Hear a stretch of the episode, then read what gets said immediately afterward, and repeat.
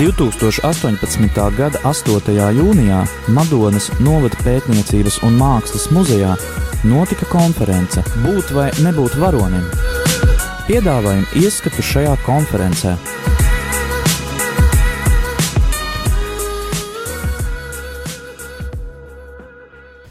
Zinot vēsturi, mēs kļūstam paši zinošāki un varam kļūt arī pateicīgi tiešām par to, kas ir bijis par mums un kā šis laiks ir veidojies un kas mums ir dots šobrīd, kad mēs visi varam būt šeit un attīstīt sevi tālāk.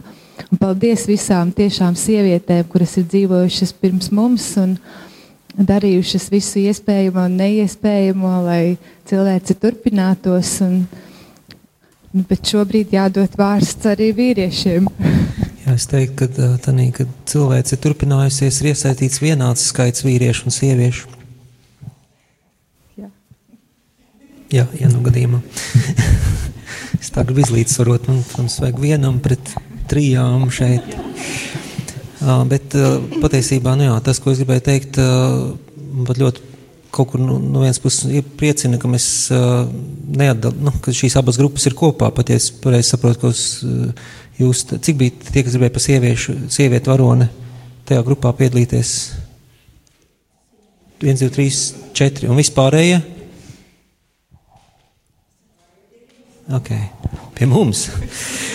nu jā, runājot par, par varonību, mēs redzējām arī no tiem priekšlasījumiem pirms tam, kā, kā nomainās tā, tā izpratne, kas ir varu, ka, ko nozīmē būt varonim. Uh, senā Grieķijā tas karavīrs, kā varonis, kas atdod savu dzīvi.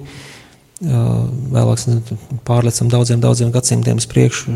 Renesansē droši vien tas, kuram ir visplašākās zināšanas, kurš zina runāt par visām lietām, un, un prāts tur ļoti tāds nu, lepns. Mūsdienās drīzāk varbūt varonis būtu kādā ļoti konkrētā jomā specializējies cilvēks.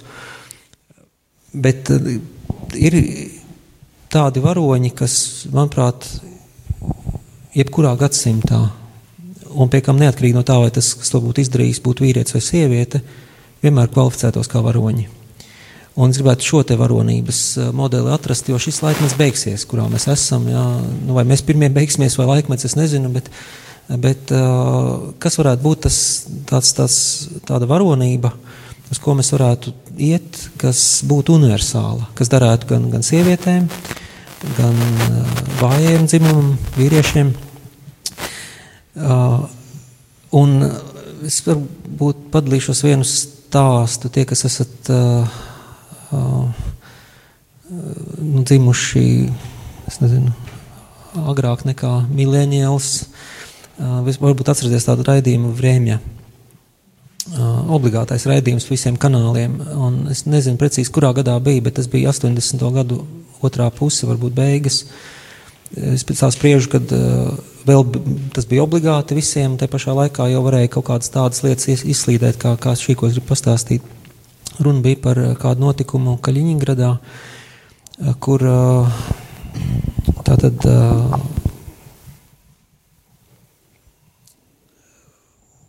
Es tā pareizi, nu, varu atcerēties, tas bija diezgan sen. Tā, tā doma tāda, ka ir līcis un ka šo līci ved, ved ceļš, divu joslu ceļš, un tam ceļam laikam kaut kāds uzbērums vai valnis, tad būtībā brauc tikai pa šo ceļu. Un uh, ir notikusi avārija. Avārija, uh, kur normāli uh, būtu kārtējs gadījums, ka tik un tik bērniņi aizgāja bojā, bet tas nenotika, notika kaut kas cits. Jo, restīvi, kāda bija situācija? Brauc uh, autobus uh, ar bērniem, un uh, šo autobusu pavada milicijas žigulīts aizmugurē. Un tas tādā līkumā notiek. Un, un šis milicis, tā kā tur ir līkums, viņš redz, ka pretī ir sanesta fūre, kaut kāds kamas droši vien, kas nāk virsū tam autobusam.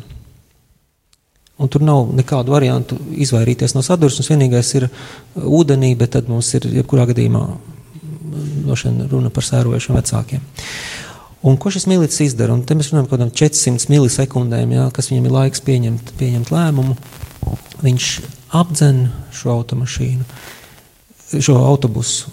Un pilnā ātrumā ietriecas šai fūrē aizmugurējos riteņos, pastumj to malā, un šie bērni tiek tikai ah, ar tādu nelielu izbīli sveikā.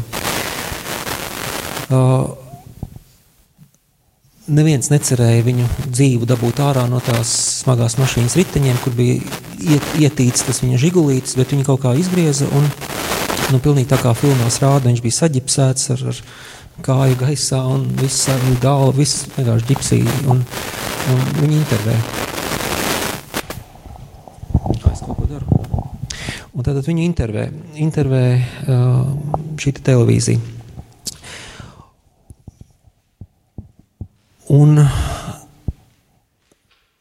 ideja ļoti vienkārša. Viņš saka, nu kā es piesviedu, ka tonna uh, žiguļa, jo lielāks ātrums, jo lielāka būs masa, ja es ietriekšos viņam aizmugurēs itņos, pastāv iespēja, ka es izglābšu tos bērnus. Nu, es domāju, šādu rīcību mēs katrs nosaukt par varonīgu rīcību. Ne? Es, piekrītu, ka paņem citā laikmetā, viņš būtu sieviete, milice, mums nebūtu nekādu domstarpību, ka viņš rīkojās varonīgi. Ja? Bet tas, kas teiksim, man palīdzēja saprast, kas bija atslēga viņa gadījumā, un kāpēc es saku, ka jau bija pietiekoši vēl 80. gadi, lai kaut kas tāds iziet cauri.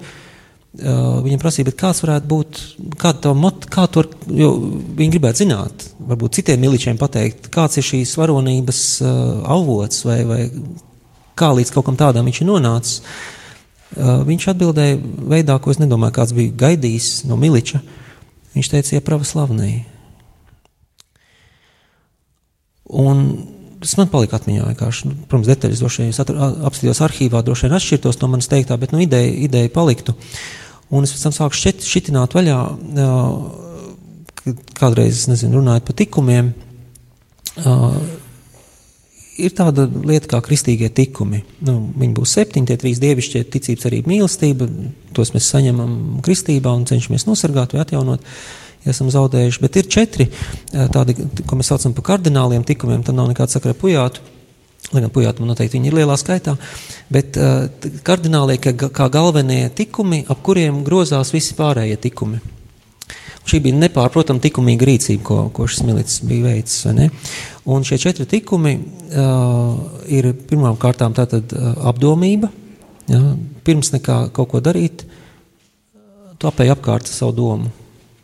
Uh, tu apdomājies, ja tu, tu vienkārši to apdomājies. Ja.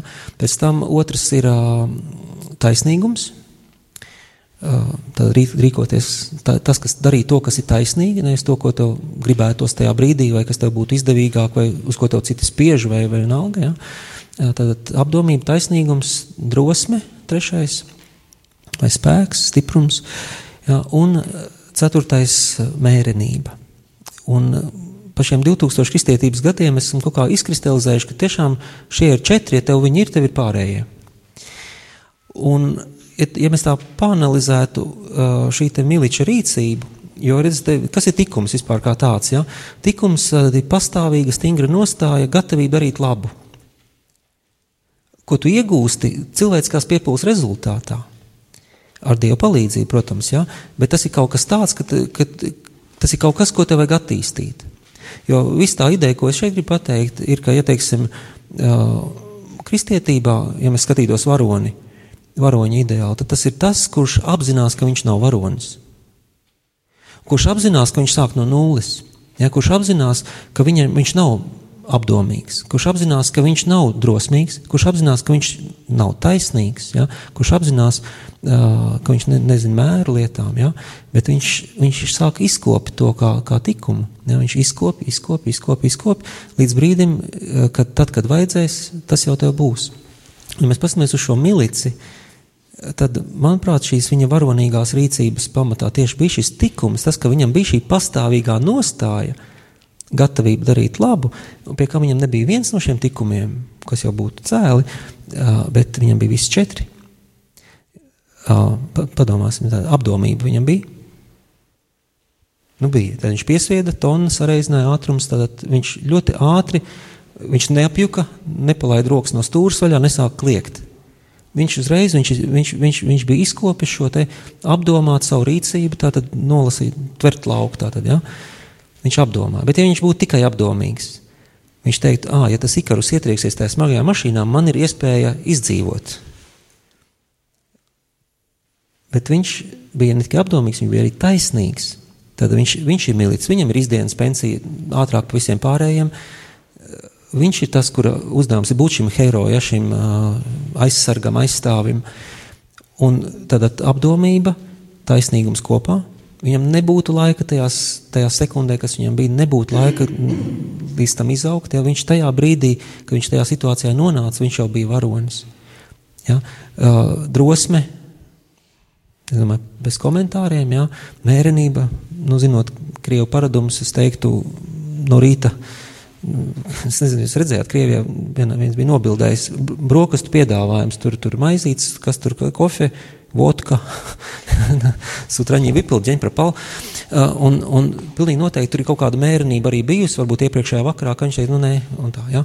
Un, un tad viņš, uh, Pat ja viņš nebūtu šajā situācijā bijis, ja viņš nebūtu izglābis tos, tos bērnus, viņš vienalga būtu varonis.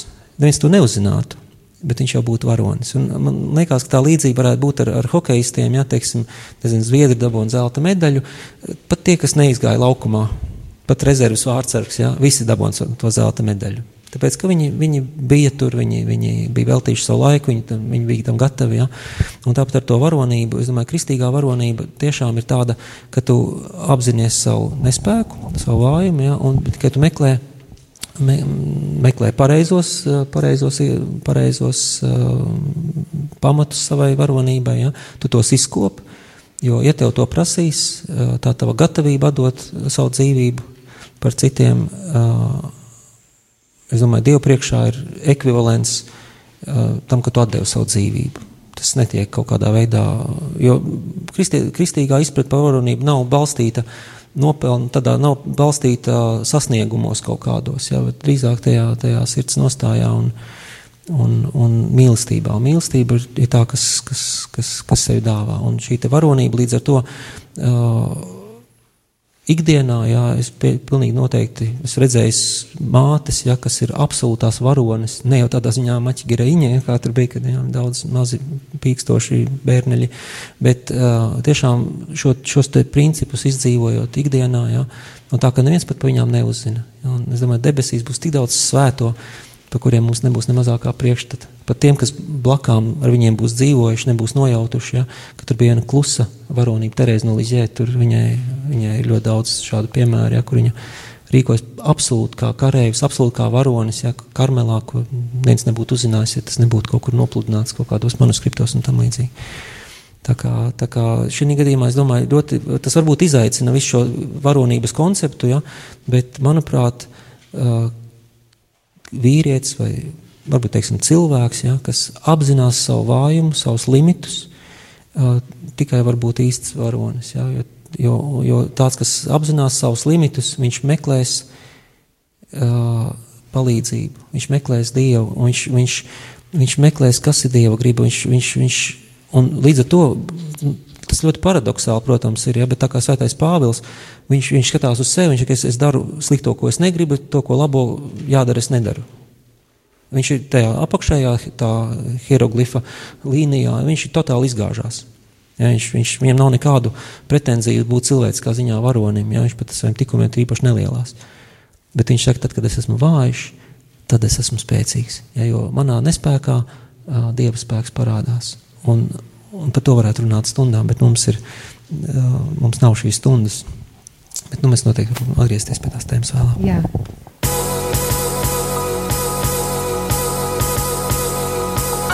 2018. gada 8. jūnijā Madonas novada pētniecības un mākslas muzejā notika konference Būt vai nebūt varonim.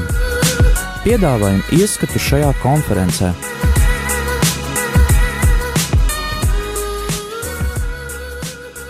Iesim tālāk. Sēdēsim tālāk. Tādu kopsaucēju izdarot, varu teikt, ka nu, ticībā mēs visi ir, esam vienoti. Vai mēs esam sieviete vai vīrietis, tāda ticība mūs vieno un varbūt to ticību vēl varētu definēt, ka tas ir tāds aizmugurējais mugurkauls, tāda stāja pārliecība. Un tā nu, nāk gan no vecākiem, no mājām, kur tu esi dzimis, audzis, arī, protams, no valsts tādā paplašinātā jēdzienā gan arī no tādas pārliecības, ka tev apkārt ir draugi, ir līdzcilvēki, ir domu biedri, un tad ir šī aizmugures sajūta, ka tu vari varbūt arī darīt šos varoņu darbus. Nu, protams, arī tiešām tā ir mīlestība, ka tu ar kādu gribi dalīties un kādu gribi izglābt, kādam gribi ko labu izdarīt, vai tiešām arī atdot savu dzīvību. E, tas man arī uzrunāja, un tas noteikti mums visiem liek aizdomāties, cik mēs katrs būtu gatavi un par ko mēs būtu gatavi atdot savu dzīvību. Jo tiešām tas ir droši vien tikai tajā mirklī apjaušams, vai es varu atdot savu vietu laivā, vai es palikšu uz. Man nāk prātā, jūtat, jau nāk prātā mūsu novadnieks Rudolfs Blaumanis, nāves ēnā, ka tiešām ir šī izšķiršanās, kuram būs šī dzīvības vai nāves loze.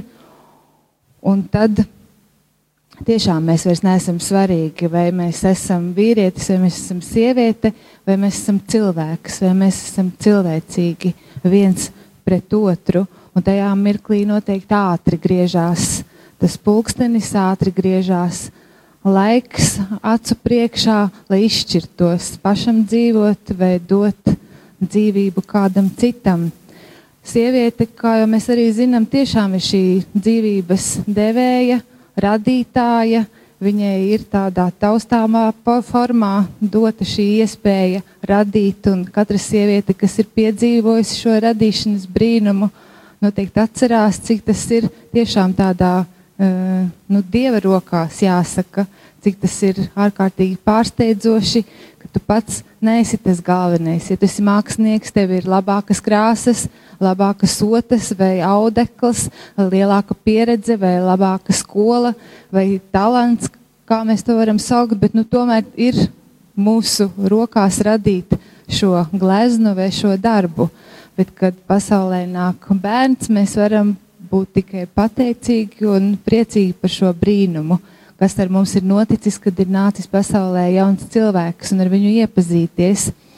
Varbūt tieši par šo šķautni sievietē, par radīšanas šķautni, par eh, tēmu, kas varbūt arī tieši Latviju skar, kad mēs arī zinām, ka latvieši paliek mazākumā, kā stiprināt ģimenes, kā dot eh, šo spēku, varonības, nu, tādu iedvesmu mūsu Latvijas sievietēm, lai tiešām Latvija nepazustu no pasaules kartes un lai Latvija turpinātu ziedēt vēl daudz simts gadus. Došu vārdu mūsu sievietēm, māsai Sofijai.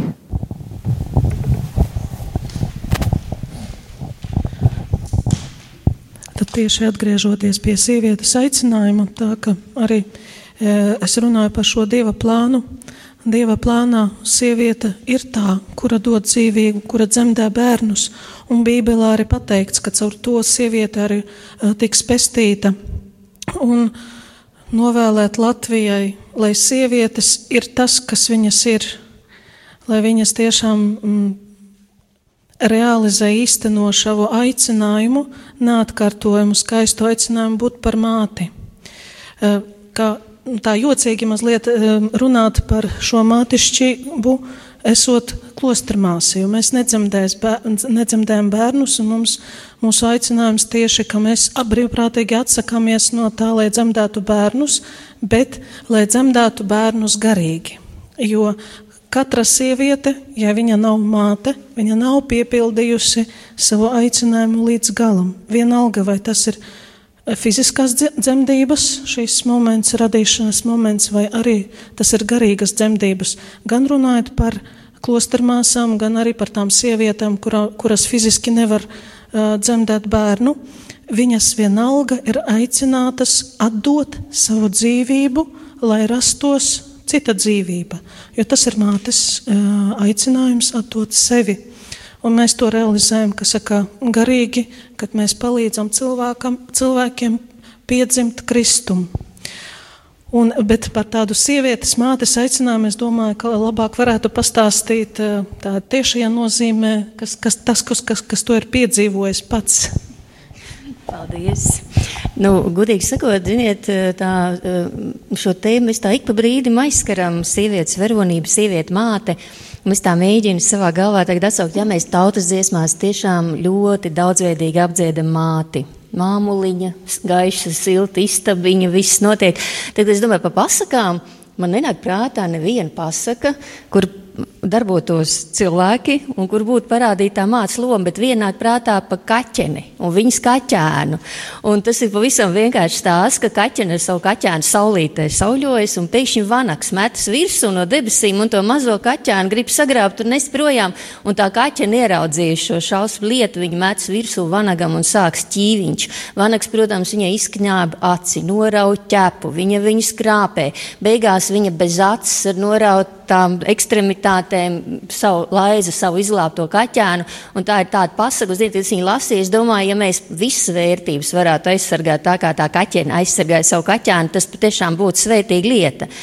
Bet runājot par to, to bērnu brīnumu, man šķiet, ka. Uh, mēs mazdrusciņi sievietes tomēr arī grēkojam šai ziņā, jo es starp citu aptaujāju, tagad tā tēma parādījās sieviete varonis, uzrunāju savas kolēģis, kuras ir akadēmiskās vidas pārstāvis, teica, nu, meitenes, nu, kas ir sieviete varone? Un viņš saka, nē, nu, tā ir tāda varonība apvienot bērnu audzināšanu, ģimeni un darbu un visus tos jautājumus. Un tad es sāku domāt, man, man ir viena meita, piemēram, ja, man. Manai mammai bija divas meitas. Manai vecmāmiņai bija četri bērni, manai vecvecmāmiņai, vecvecmāmiņai bija 13 bērni. Pavisam nesen mūs no Sibīrijas atbrauca eh, mūsu Sibīrijas latvieši, kas tur dzīvo, un viņi saka, jūs ziniet, pie mums ir tieši tas pats, kad mēs aizbraucām uz turieni, mums dzimtā bija 12, 13, 11, tagad ir 1, 2. Un tad mēs atgriežamies pie tā jautājuma, ka patiesībā varbūt tās, nu, par maz ir runāt par tā piedzimšanas brīnumu, ja mēs gribam uh, saglabāt to savu tautu, jo tas koeficients laikam šobrīd, lai tauta saglabātos, pat neatjaunotos, ir 2,1 uz ģimeni. 2,1. Ja?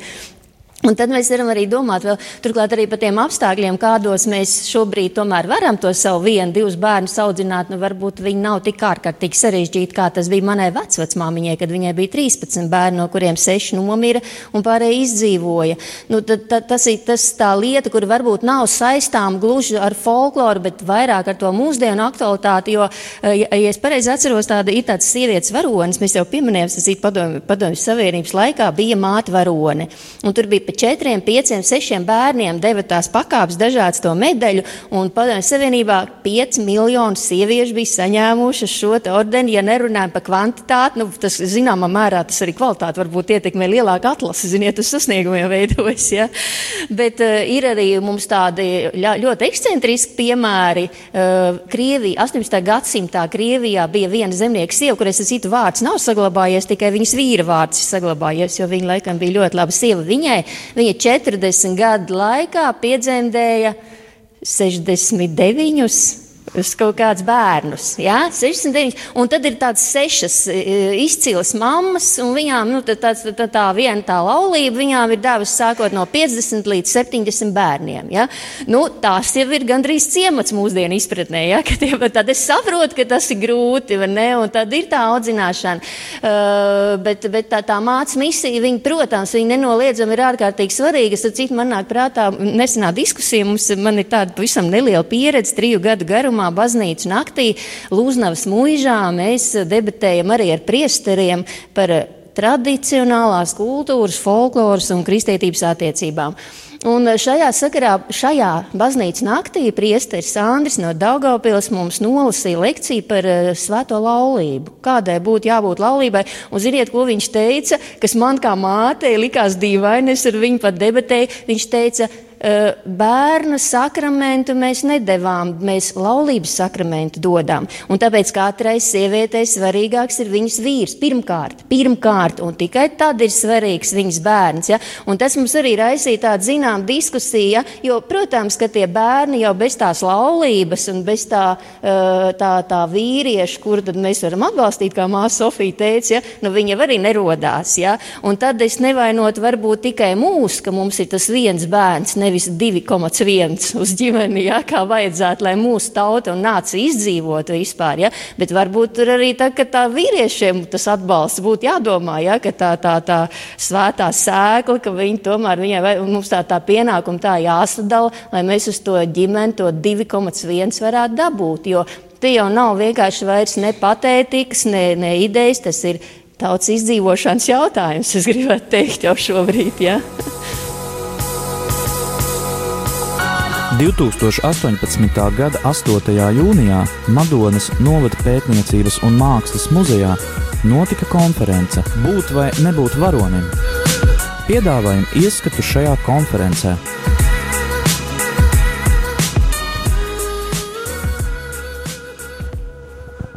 Attīstās pa spirāli, to jau mēs visi zinām. Nu, tad varētu domāt, ka tiešām mēs atgriežamies antīkajā pasaulē un tas mūsu ego pieaug. Jo tiešām zinām pēc vēstures, kad izgudrojot tvaika katlu, tāpat tās arī pieaug cil, sievietes iekšējais spēks un viņa laužās vīrieša pasaulē.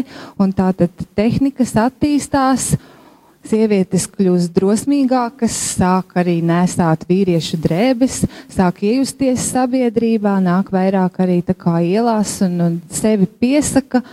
Vai tas varētu būt savā ziņā arī tāds apdraudējums vīriešu pasaulē no sieviešu puses, kad arī sievietes e, laužās varbūt tādās Eh, tādos amatos vai arī tādās profesijās, kas īsti nav viņām eh, piemērots eh, nu, pēc dabas dotajiem mm, dotumiem, tā varētu izteikties.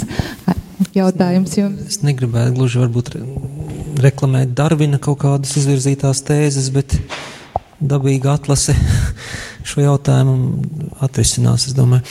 Jo tā ideja ir tāda, ka ir jābūt līdzsvaram to, ko māsa teica, un vispārējais ir jābūt līdzsvaram. Katram ir sava loma, un tad viss ir kārtībā. Un, ja vīrieši ir pārpratuma dēļ, nepareizi lasot rakstus vai palaižot garām kādu, kādu rakstu vietu, ir, ir uzņēmušies pa daudz un, un aiz, sasvēruši to kuģi uz vienu pusi, ja, tad viss šī sieviešu emancipācija, viņa viņa ir mēģinājums izlīdzināt šo kuģi. Un, lai tu izlīdzinātu, tev reizēm ir jāiet uh, tālāk nekā vajadzētu. Jāskaties, kas notika teiksim, ar to kontrreformāciju. Ja, teiksim, Luters sagāza kuģi uz vienu pusi, un tad, bija tāds, tāds atsitiens atpakaļ. Ne, kamēr tas izlīdzinās būtībā tikai 20. Uh, 20. gadsimtā, tā izlīdzinās tikai. Tā, līdz ar to es domāju, šī sieviešu tādā. Nu, pat ja tas ir bijis ekstrēmi, tur kā feminisms vai, vai vēl kaut kas, jā, es domāju, tas ir tikai, tikai normāli un vajadzīgi, jo tas kuģis ir bijis nevar, nevajadzīgi sasvērts uz vienu pusi un nav bijis šī līdzsvara. Kā, Pat es neesmu par šiem pārspīlējumiem, es pilnīgi noteikti esmu par šīm sievietēm, kuras, kuras redz, ka tur kaut kas nav kārtībā, jo tas ir ļoti, ļoti svarīgi. Ja kuģis apgāzīsies, mēs visi iesim bojā. Tā kā sievietes loma vīriešu loma, nekur nepazudīs, ja nomainīsies paudzes, mēs, mēs līdzsvars atjaunosies dabiski. Tā kā par to man diezgan liels, liels miers. Bet uh, es gribēju par varoņiem. Var kaut ko vēl par varoņiem parunāt? Bija šī, mums tā tēma ir no, par sievietēm jārunā? Par sievietēm, protams, ka par sievietēm jārunā. uh, jā, var patiesībā arī. Mums patīk, ka par mums runā. jā, jums patīk, jā. Um, Nu, lūk, tur bija tāds interesants, eh, nezinu, kā saucās tā filma Unbreakable, vai tur bija Samuels Lee Jacksons un Brūss Vilis, ja nemaldos, par kaut kādu vienu, kurš, kuram visas slimības iespējamās vienmēr, ja viņš krita, viņš vienmēr sasitās, viņš visu laiku bija slimnīcās, viņš visu laiku bija nu, absolūti trausls cilvēks, un tas tas otrs. Uh, bija nesalaužams. Viņš tur avarē vilciens, viss iet bojā, viņš, viņš, viņam nekas nav. Ja viņš pēc tam aiziet pie savu priekšnieku, viņš ap tiem 20 gadiem, ko es strādāju, cik es esmu paņēmis slimības, viņš saka, nevienu. Tad, nu, ir pilnīgi nesalaužams. Un tā, tā ideja bija, kad, kad šie te, nu, Nu, viņš no komiksiem kaut kā tur bija paņēmis ideju, ka nu, tur vien, viens ir supervaronis, otrs atkal otram tad nekas nav. Un, manuprāt, tas bija tajā filmā, kur izskanēja tā doma par, uh, kur bija runa, uh, viņš analizēja tos supervaroņus, kādi ir, nu, kas viņiem visiem tur ir kopīgs, kaut kāds, kaut kāds apģērbs mazliet smieklīgs, uh, un tas, ka viņiem ir šī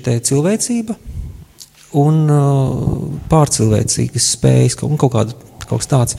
Un tad viņš norādīja uz tieši to supermeni, ka Supermens atšķīrās no visiem pārējiem varoņiem.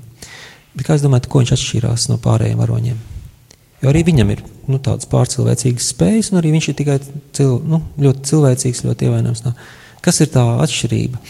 Uh, viņš saka, ka atšķirība ir tā, ka visi pārējie bija vienkārši nu, cilvēki, piemēram, tas pats Spidermans, jā, nākošais viņš tajā oriģinālā 62. gada versijā, viņš tur, uh, tur kaut kādi zirnekļi, kas tur ir, uh, toreiz bija tas viss kodolkara briesmas, ka tur apstarot ar kaut kādu radiāciju zirnekli, ka viņam tur iekož un viņš tur kļūst par kaut kādu baigo varonu. Mūsdienu versijā tas bija drīzāk kaut kā ģenētiskā, ģenētiski tie, tie modificētie zirnekļi.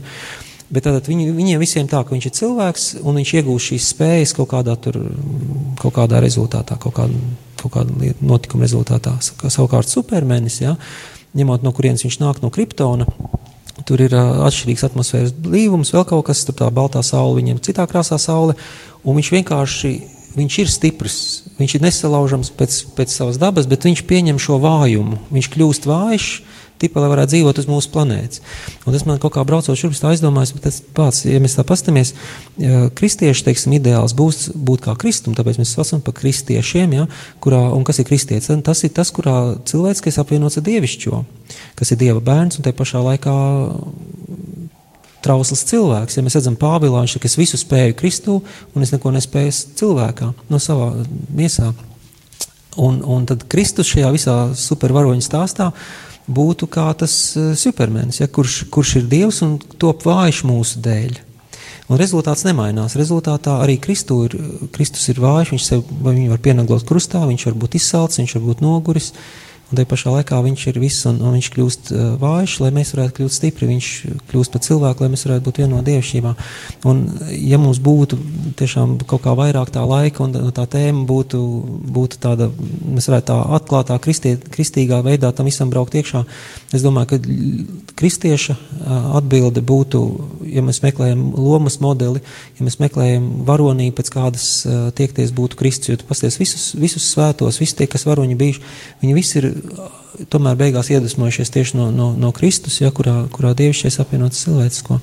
Un, un, manuprāt, tā, tā, tā, tā, šis moments ir, ir, ir kaut kas, ko, ja mēs izslēgtu, tad mēs atgriezīsimies pie tās grieķu modeļa par varonību vai par, par, par nezinu, apgaismības modeļa par varonību vai kaut kādām uh, sporta vai armijas militārajām kaut kādām idejām par to, kas ir varonība. Bet, ja mēs gribam būt īstie tie varoņi, varonis, kas, kas paliek, kas transcendē laikmetus un kultūras un, un, un, un visu, ja, nu tad es domāju, ka Kristus ir tas, uh, tas, tas ideāls, pēc kura veidot varonības tēlu.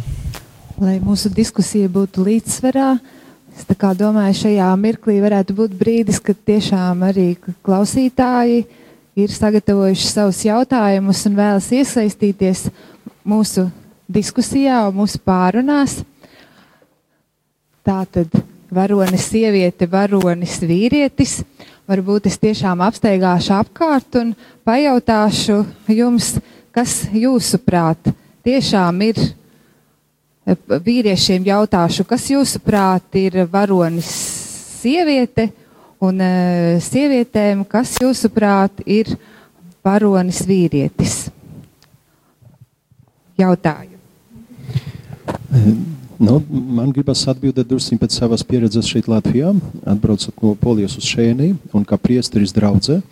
Man gribas teikt, ka nu, arī man kā vīrietim un redzot šeit, tas ir milzīgs izaicinājums būt varonis kā tevs tādā ziņā, ka, mm, mm, ja varam tā teikt, atstāt draugus, atstāt kādu tur e, televizoru vai, e, vai alus pudeli, kurš to lieto, jā, vai kādas vēl citas izklaidēs, un padomāt, jā, tagad mīlojas otru cilvēku un savu dzīvi, esmu spējīgs upurēt viņam. Un manā kā priestera gadījumā no Latvijā dot lielisku iespēju, Jo polijā mēs esam, piemēram, pieci vai seši priesteri vienā draudzē, nu, tas ir tāds, man gribas teikt, zēns kaut kur fonā, kurš kaut ko dara.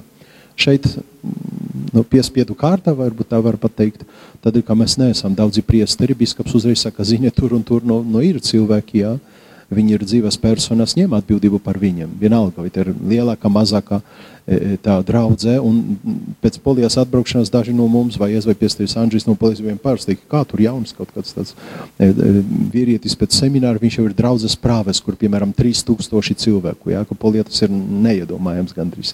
Tad man gribas tā teikt, ka, ka manā kalpošanā un ņemot vērā ģimenes kontekstu, tad gribas teikt, varonis ir tas, kurš pieauga beidzot būt tevs, lai upurētu sevi, savu spēku, laiku, aizstāvētu otru cilvēku, sievieti un beidzot arī, protams, rūpēties par, e, par bērniem. Tā otra daļa varbūt vēl ne, man nav tik līdz galam skaidra. Tādēļ varbūt es esmu šodien šeit, bet pēc tā, ko es jums no pastāstīju, kaut, ja varu pielikt klāt vārdu, diemžēl, no tās negatīvas puses, kā vairāk redzēju to salauztu modeli, ka tiešām sievieti, kurā pārvalda un kurā pati līdz galam nav laimīgā un nepadara laimīgus citus. Es vairāk varu tā izteikties. Un to redzēju gan pie ģimenes cilvēkiem, pie tiem, kuriem kaut kur dzīvoju, e, un redzēju šeit, kā pieminu draudzes, kur nu, tas cilvēks dažādu iemeslu dēļ, protams, nespēja dalīties, nespēja atdot pārējiem to iespēju pārvaldīt, paņemt atbildību, moka sevi, moka citus, nu, un nu, knapi iet, ja varam tā teikt, tie darbi daži. Ļaujiet man tā atbildēt.